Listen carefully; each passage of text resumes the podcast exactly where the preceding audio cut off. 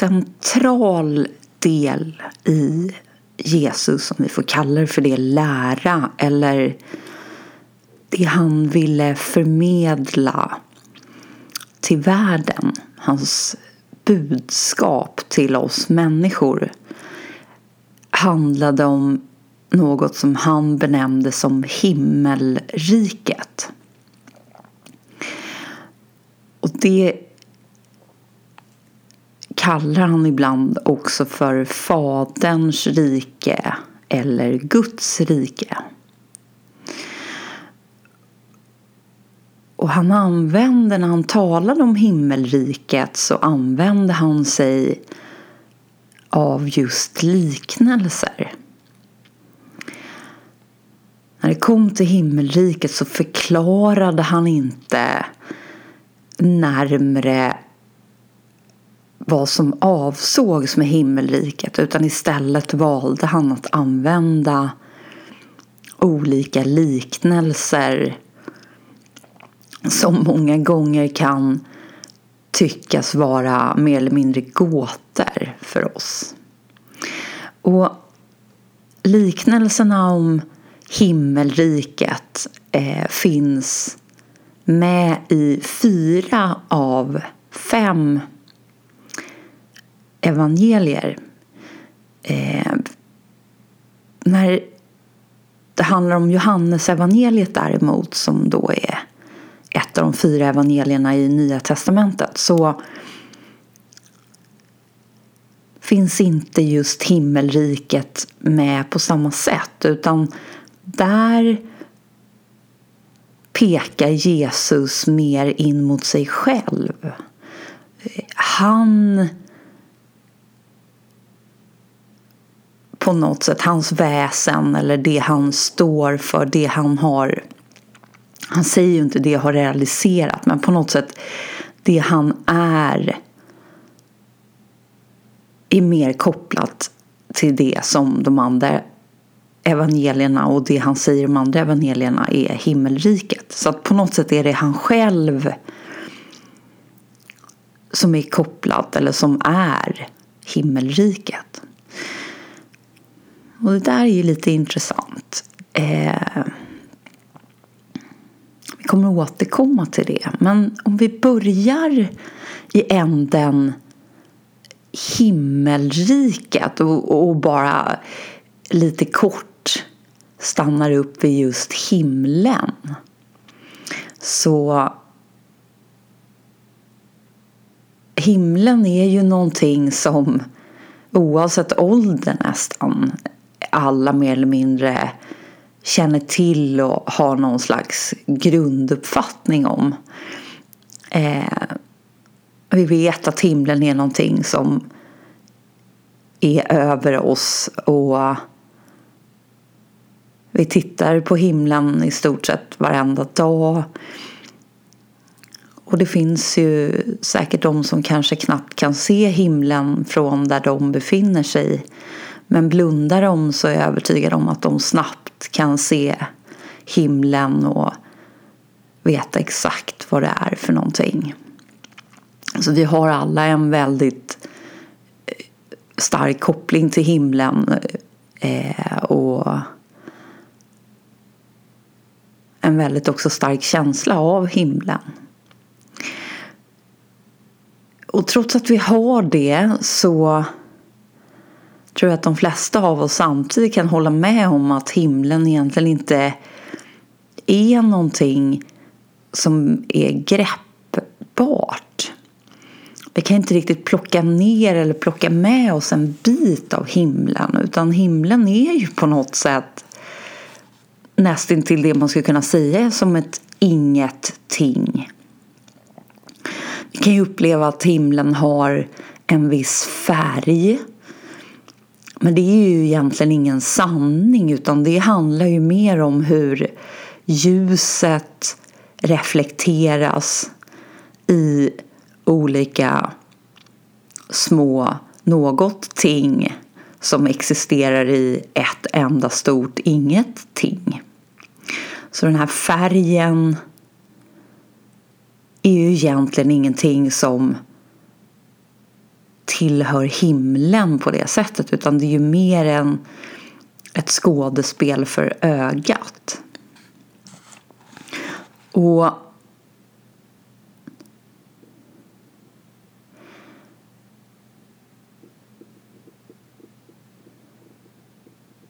jag kan känna att jag känner tydligt att Jesus koppling till himlen här på något sätt handlar också om att vi behöver gå förbi intellektet för att hitta den positionen eller hitta dit han pekar. Och det kan jag känna också är en anledning till att han inte förklarar himmelriket eller Faderns eller Guds rike. För det gör han verkligen inte. På samma sätt som han inte direkt heller förklarar Fadern eller Gud. Han har ju liknelser där också som mer inleds med kanske Fadern är som. Eh, men, men just det här att det i och med att det handlar om att skifta vårt fokus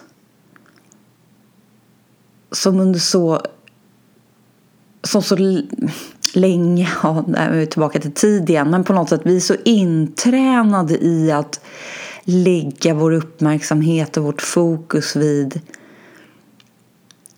ting, vid objekt, indirekt vid koncept. Så att kasta oss ut lite grann i det som inte intellektet riktigt kan greppa och förstå är egentligen mer hemma men känns till en början mycket mer okänt och mer osäkert också därför att ganska snabbt smyger in tankar som på något sätt ifrågasätter ska det inte hända någonting liksom nu har vi gjort det här vad kommer, vad kommer härnäst? Vad ska hända efter? Eller vad kommer sen? För att skifta från att vara i ett händelse och tidsförlopp, att uppleva sig vara i det hela tiden till att allt blir totalt stilla och stannar upp. Och upplevelsen plötsligt är att det händer ingenting. Det är någonting registrerar, registrerar att att saker uppstår och försvinner eller saker men på något sätt finns det det som man skulle kunna kalla för händelser där men det är ändå stillheten som är i förgrunden plötsligt. Det andra är oerhört perifert och till och med efter ett tag knappt märkbart. Så just den här eh, att likna det här, om vi får kalla det för till en början upplevs det mer som ett inre universum och så småningom blir det tydligt att det här inre och yttre är ju inte riktigt sant utan det, det blir på något sätt någonting som är överallt gällande plötsligt. Men till en början så kan vi söka oss dit genom att söka oss hem egentligen. Det, det, är inte så att vi är någonting som besöker någonting annat här men vi, vi söker oss hemåt, vi, vi blickar inåt. Vi vänder vårt fokus från det yttre och från tingen och från det jag brukar kalla som relativt till på något sätt hem inåt, tillbaka till den som bevittnar och registrerar allt det yttre eller det relativa eller det som kommer och går, det som passerar. så himlen är, jag, jag tycker det är en väldigt det, det är som med väldigt mycket av det som Jesus tros ha sagt och eh, de här liknelserna. Han är ju en mästare på att lite grann leka med ord också. Det, det är, och det här är ytterligare ett exempel på det just med himmelriket och himlen. Eh, lite kort då innan vi går vidare lite grann och ser hur Jesus, några exempel på hur han, vad han använder för form av liknelser när han får frågor om himmelriket eller Gudsriket. Så kan vi ju börja med att fråga oss lite grann, okej okay, men är det här någonting som ändå inte är inom räckhåll för oss nu? Ligger det på något sätt i framtiden eller vid den här då end of time om vi fortfarande är övertygade om ett linjärt tidsperspektiv? Men i bland annat Thomas evangeliet 51 så svarar Jesus så här när hans lärjungar frågar honom då, på vilken dag kommer de döda att få vila? Och på vilken dag ska den nya världen komma? Och den här nya världen är då en synonym till himmelriket eller Faderns rike eller Guds rike.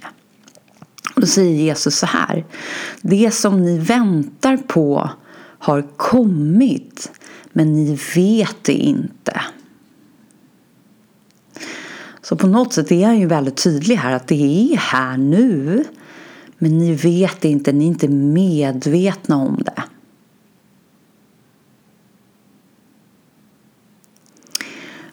Och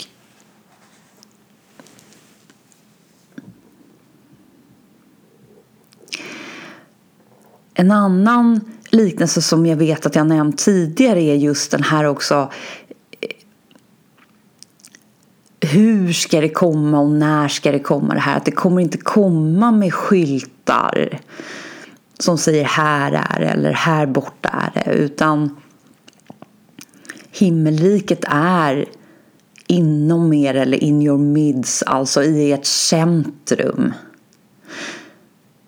Och, och där känner jag också att det är tydligt att ni kan inte hitta, ni kan inte hitta fram till det här med ert intellekt. Därför att intellektet funkar ju också lite så att ja men, ge mig ett direktiv eller ge mig en metod eller ge mig någonting som jag kan utgå ifrån och som jag vet att om jag bara gör det här eller följer det här, ja men då hamnar jag här borta.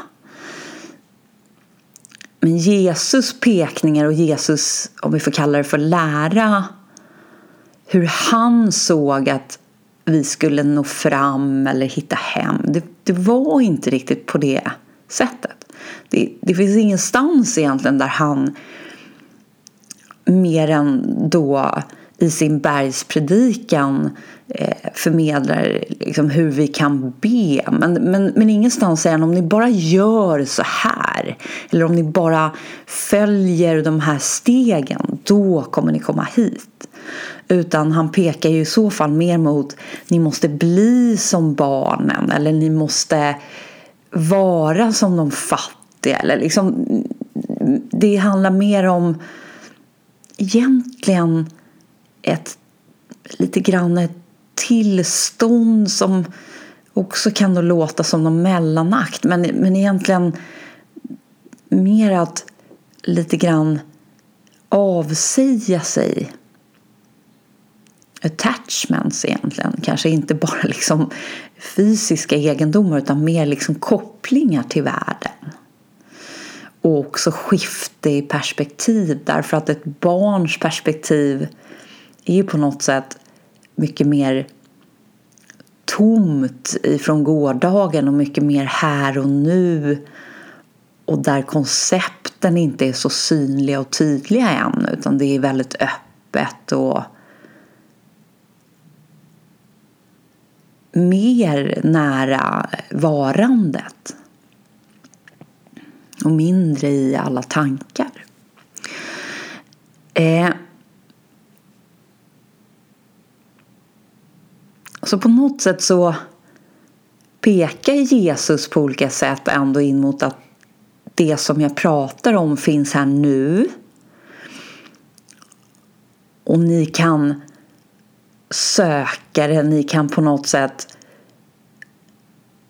också faktiskt finna det nu och pekaren är just det här inåt. Eller play, vilket vi också har tittat på, handlar om att gå inåt, att se djupare, se förbi det som vår uppmärksamhet gärna fastnar vid.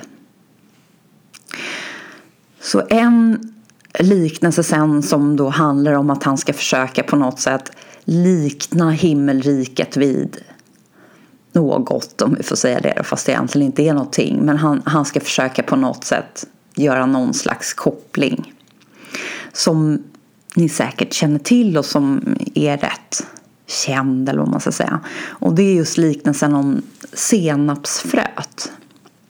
Och det finns faktiskt med i fyra av fem evangelier. Så det enda evangeliet som inte har med det är Johannes evangeliet.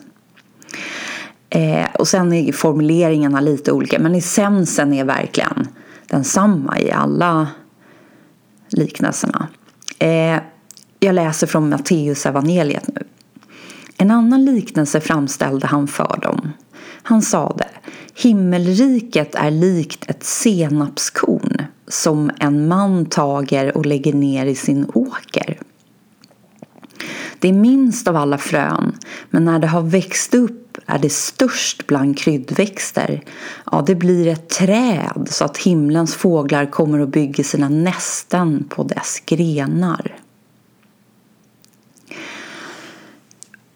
Och just det här att han liknar då himmelriket vid det minsta fröet som han kan komma på.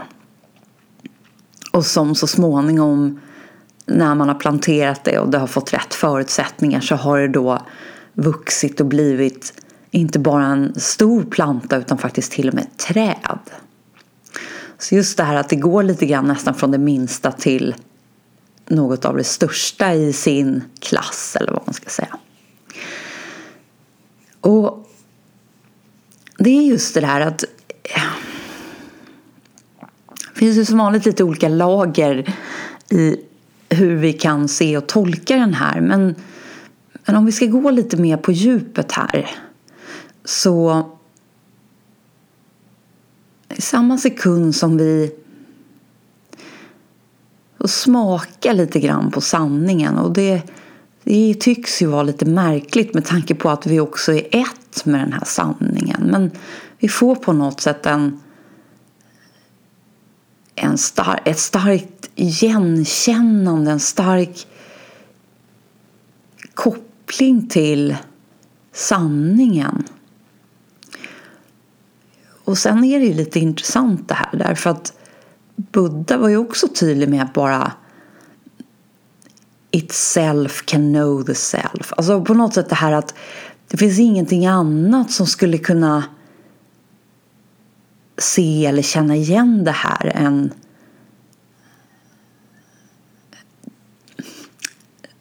den själv fast den inte är ett objekt. Så att på något sätt egentligen bara eh, har vi beviset redan där att vi på något sätt det här är inget intellektuellt konstaterande utan vi, vi går ju förbi intellektet här. Vi är ju mer i en känsla av varande där endast på något sätt det vi kanske känner igen lite grann som en intuition eller en intuitiv känsla som inte behöver passera intellektet för att få bekräftelse. Det är mer där vi på något sätt inom oss vet och konstaterar att det är det här.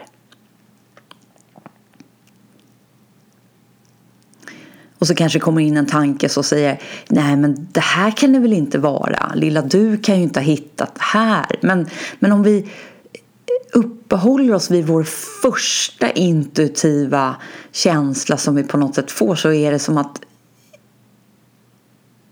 det, det är för känt för att vi skulle missa det på något sätt. Och här är också svårt att liksom likna med men på något sätt om vi blir förälskade så även om vi är unga så är det som vi vet någonstans lite grann vad, vad den här känslan handlar om.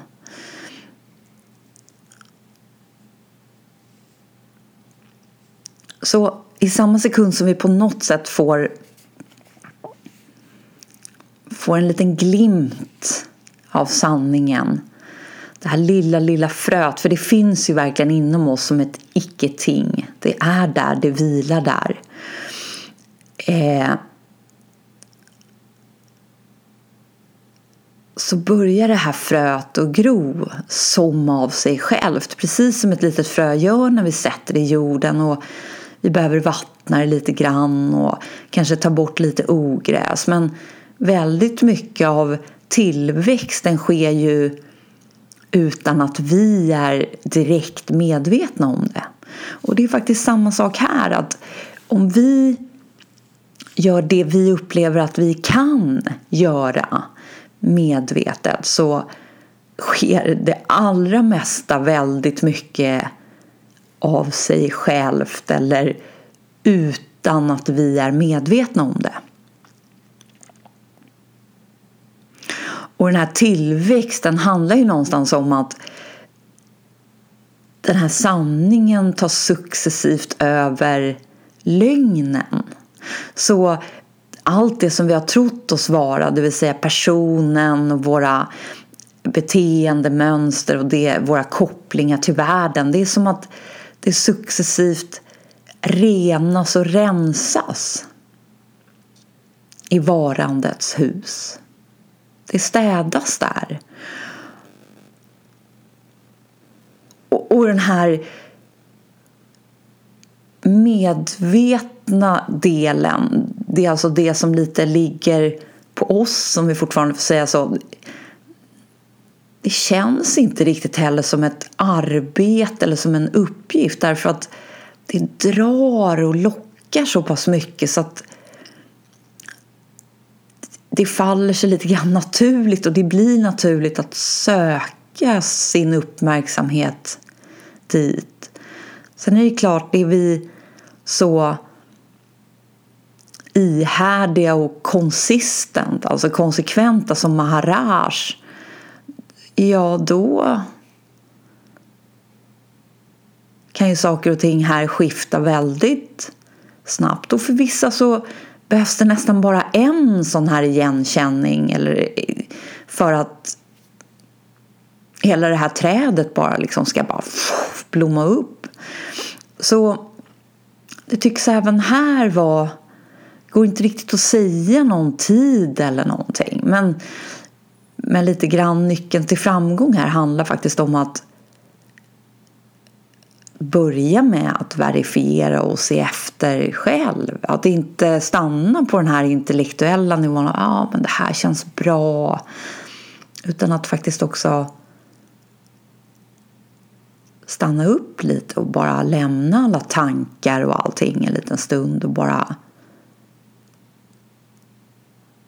vara med uppmärksamheten hemma i det här lilla senapsfröet som egentligen inte är ett frö utan det är någonting som successivt bara kommer täckas av mer och mer och mer. Så egentligen är det kanske inte ens någonting som växer utan mer en avtäckningsprocess. Som också handlar om att städa ut det som tidigare dolde det här för vårt medvetande.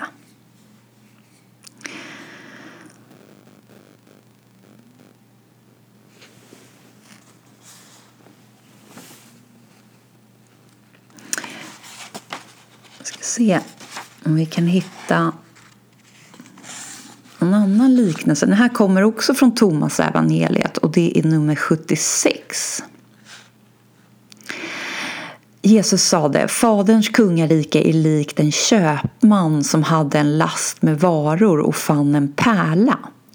Köpmannen var vis. Han sålde lasten och köpte endast pärlan. Ni med, sök efter hans skatt som aldrig förgår utan består. Där malen aldrig kommer åt och förstör eller masken förgör. Och även den här liknelsen med köpmannen som hittar den här pärlan finns i flera av evangelierna. Och essensen i den liknelsen handlar just om det här att mannen hittar någonting, upplever sig ändå hitta någonting från början och han nästan intuitivt direkt, han var vis. Ja, det är som att han vet att det är bara den här. Jag, jag, liksom, jag kan sälja allting jag äger bara för den här pärlan. Att bara få äga den här pärlan, jag, jag behöver ingenting annat. Och den här visdomen som Jesus benämner det som, eller den här intuitiva visdomen som intuitivt vet att det här går inte att jämföra med någonting som finns i världen. Det, det, en pärla är väl, det var väl bland det finaste som, som Jesus kunde komma på där och, och för att folk lite grann skulle kunna relatera. Men, men egentligen är det också en, blir en svag jämförelse därför att det är så det, det, är priceless. Det är, och på något sätt också det som möjliggör det andra. Så det blir ju det som blir lite grann den här ignoransen som blir så småningom lite ganska ironiskt. Att, att vi på något sätt väljer ting som, som inte överhuvudtaget ens skulle uppenbaras som någonting om det inte vore för det här.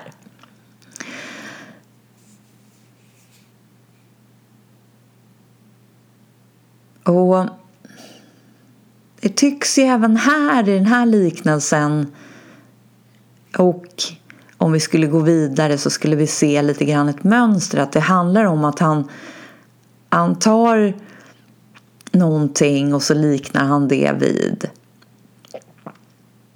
himmelriket på något sätt. Och, och den eller de personerna i liknelsen, i liknelseberättelsen det handlar om att de hittar någonting och så plötsligt förstår de någonting.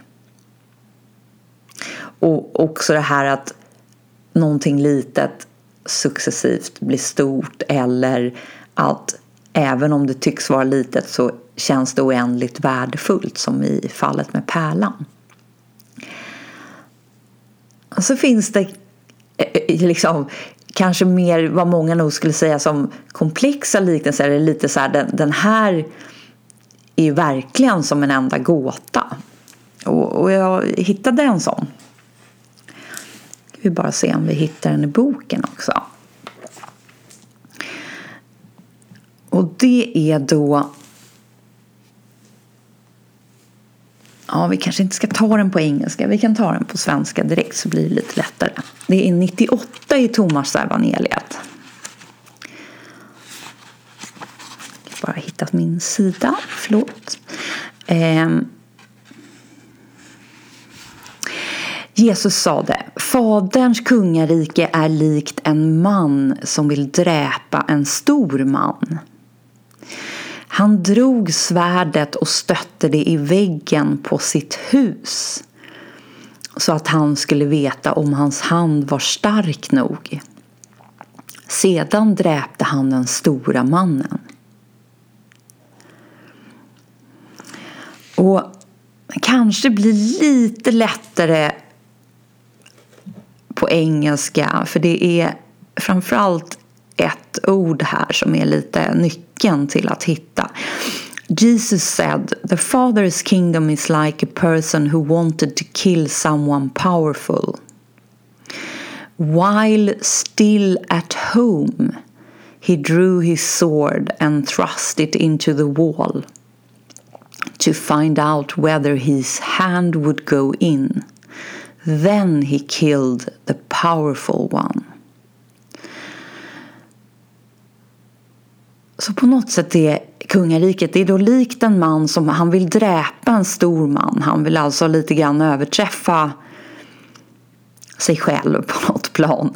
Och han har ett svärd och istället för att ställa sig och träna med det här svärdet mot andra duktiga fäktare så stannar han hemma. Han går inte ut och, och prövar och mäter sin styrka mot andra motståndare utan han förblir hemma i sitt hus. Och för att någonstans bli övertygad om om han ska lyckas med det här eller inte så tar han sitt svärd och stöter in svärdet i husväggen för att se om, ja, men om han helt enkelt klarar av att få in, köra in svärdet i väggen. Och se om han har tillräckligt med styrka. Och genom att göra det, genom att förbli hemma och stöta in sitt svärd i väggen så dräper han den stora mannen. Och det är lite oklart om han sen går ut och dräper den stora mannen eller om han bara dräper honom. Men jag skulle säga att det ändå blir ganska tydligt att Jesus konstaterar Then he killed the powerful one. Sedan dräpte han den stora mannen. Och återigen, vi behöver ju gå lite djupt här för att, för att greppa lite den här listiga liknelsen om vi får kalla det för det. Mannen förblir hemma. Och ni förstår ju vid det här laget, han riktar sin uppmärksamhet hemåt. Och the powerful man, ja det är ju det som Ramana benämner som a great demon, alltså en kraftig demon. Det är ju mind, alltså tankarna som kommer. För det är ju endast en tanke som kan göra en man kraftfull. Det är ju någonstans vår föreställning om det är där allting händer. Det kan ju komma en stor man gående så om vi inte går in i några tankar kring den mannen så är det bara man. Eller kanske inte ens det. Så att någonstans, allting föds ju i och med våra tankar och framförallt ytterligare en viktig komponent är ju när vi på något sätt tror på de tankarna. Så den här mannen med svärdet hade ju någonstans skapat sig en stark och mäktig fiende här i sitt mind eller i sin egen fantasi om vi får kalla det för det. Den här delen som inte riktigt är sann egentligen men som vi ofta lever i som en sanning. Men enda sättet då tydligen, eller det mest effektiva sättet att på något sätt lyckas besegra honom, ja det var ju att förbli hemma.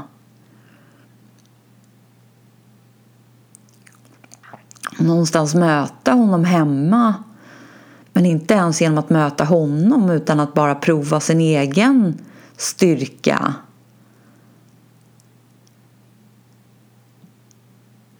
Varandets kraftfulla avslöjande av illusionen egentligen. Så besegrade han honom det är just det här att om vi och när vi riktar vår uppmärksamhet hemåt till vårt eget varande och som Maharaj sa, när det uppstod situationer när saker hände så vände jag min uppmärksamhet ifrån det och riktade den istället mot I am eller mitt varande eller min känsla av att existera hemåt jag förblir hemma. Och då successivt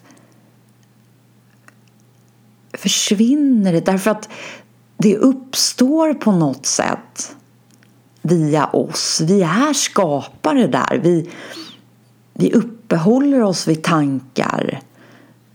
Vi tror på tankarna.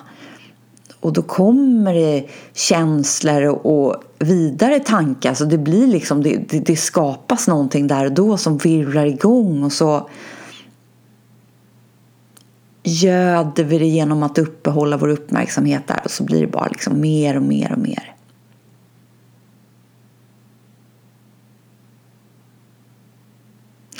Så på något sätt det enda sättet att verkligen besegra den, den starka, den mäktiga mannen är att förbli hemma. Därför att hade han gått ut och försökt sticka ner den mannen och kanske till och med lyckats så hade det strax dykt upp någon annan som ville möta honom när de hade fått höra talas om det här. Det försvinner liksom inte riktigt på det sättet utan enda sättet att faktiskt besegra det är att förbli hemma.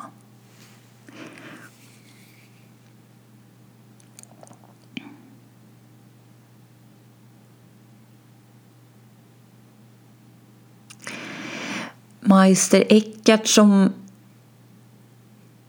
har nämnts här tidigare, den här kristna mystiken som han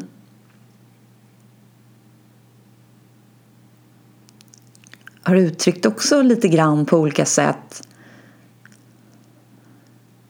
utan att på något sätt ha någon intention av att beskriva himmelriket eller någonting sånt. Men en sak som han har sagt och som jag personligen tycker mycket om det är There is a huge silence inside each of us that beckons inside each of us.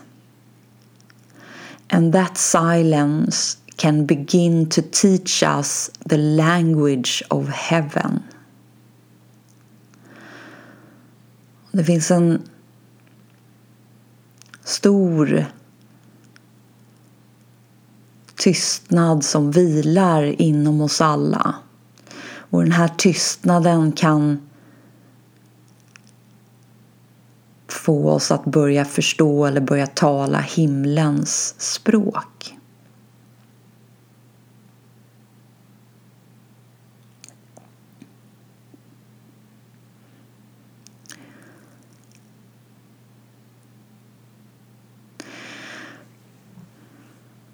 Och så lite grann det vi tittade lite på, eller jag nämnde inledningsvis här att Johannes evangeliet där använder inte Jesus benämningen himmelriket eller Faderns rike utan istället så kopplar han riket mer in till sig själv eller in mot sig själv. Och, och det handlar ju inte om honom som någon person i det fallet utan han är ju en manifestation eller en, en komplett realisering av det som han vill förmedla här. Alltså, han är upplyst helt enkelt. O, oavsett, upplyst är också ett koncept så det, det är egentligen inte bra att använda någonting här men men jag vet att ni är med mig här i att vi bara låter orden peka oss mot en djupare sanning som vi inte riktigt ens vill sätta ord på. Men han har ju på något sätt realiserat det här och badar i det här. Han, liksom, hans perspektiv är totalt skiftade ifrån att vara en del av, av tingen, av det relativa till att bara vara ett med det absoluta.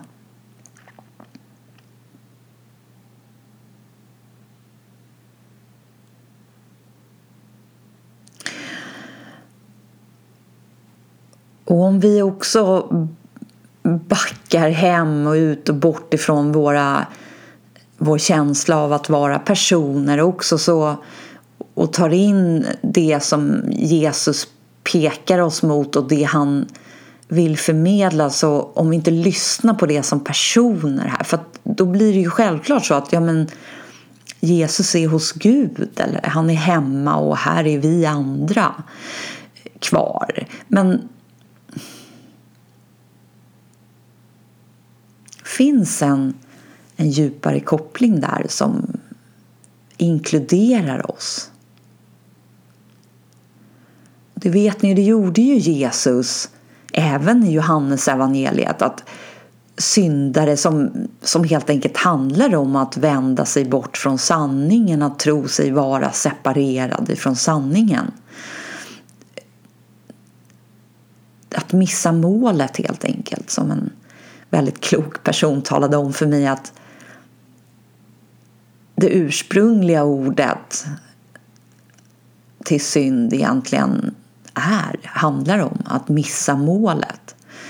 Och så har det successivt för oss vuxit och blivit till ett koncept som handlar om andra saker i vår personliga subjektiva bedömning av någon slags rätt och fel. Så när vi vänder oss bort från sanningen, när vi upplever att vi är avskurna från sanningen och vi missar målet så vill Jesus peka oss hem till honom ju. Och det är ju inte till honom som person utan det är ju det han är och en icke-plats men där han är, där han befinner sig med hela sin uppmärksamhet.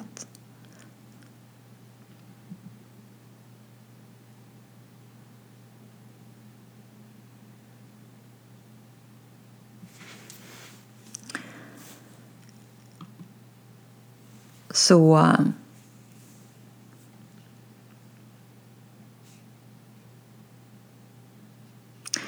jag uppmuntrar er till att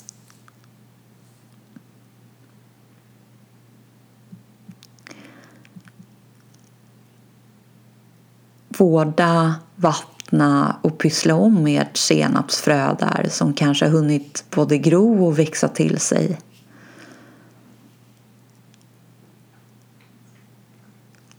Helt enkelt genom att ägna det er uppmärksamhet.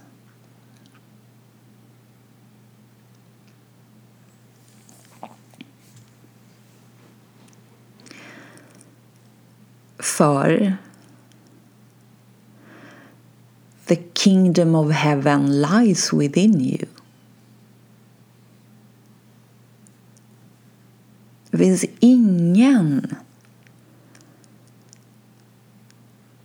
som är närmre Gud än ni.